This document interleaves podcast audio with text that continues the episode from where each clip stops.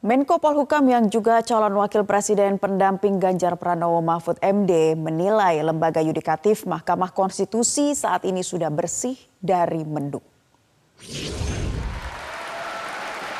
Penegasan itu disampaikan Mahfud MD di hadapan ribuan mahasiswa di kampus Universitas Andalas Padang, Sumatera Barat.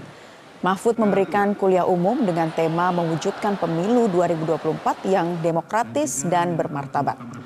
Menurut Mahfud, putusan Majelis Kehormatan Mahkamah Konstitusi sudah tepat dan harus diterima sebagai putusan final. Ia juga yakin sidang pemilu yang akan datang akan lebih baik.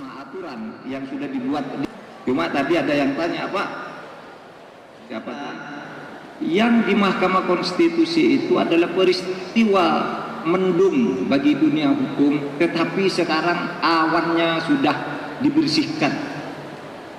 Karena apa? Penyebab mendungnya itu sudah diselesaikan. Melalui majelis kehormatan Mahkamah Konstitusi sudah menyatakan dengan jelas ini pelanggaran. Pelanggaran berat. Ada yang tanya Pak itu yang melanggar itu kan sembilan hakim melanggar semua.